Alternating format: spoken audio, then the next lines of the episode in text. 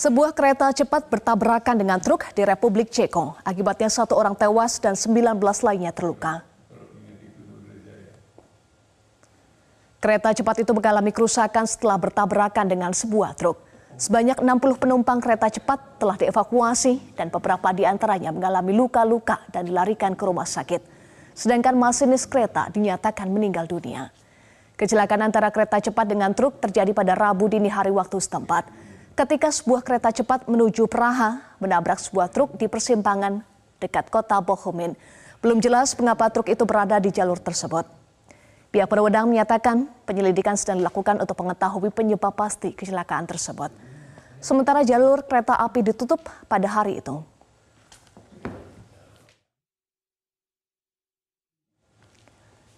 Jelajahi cara baru mendapatkan informasi. Download Metro TV Extend sekarang.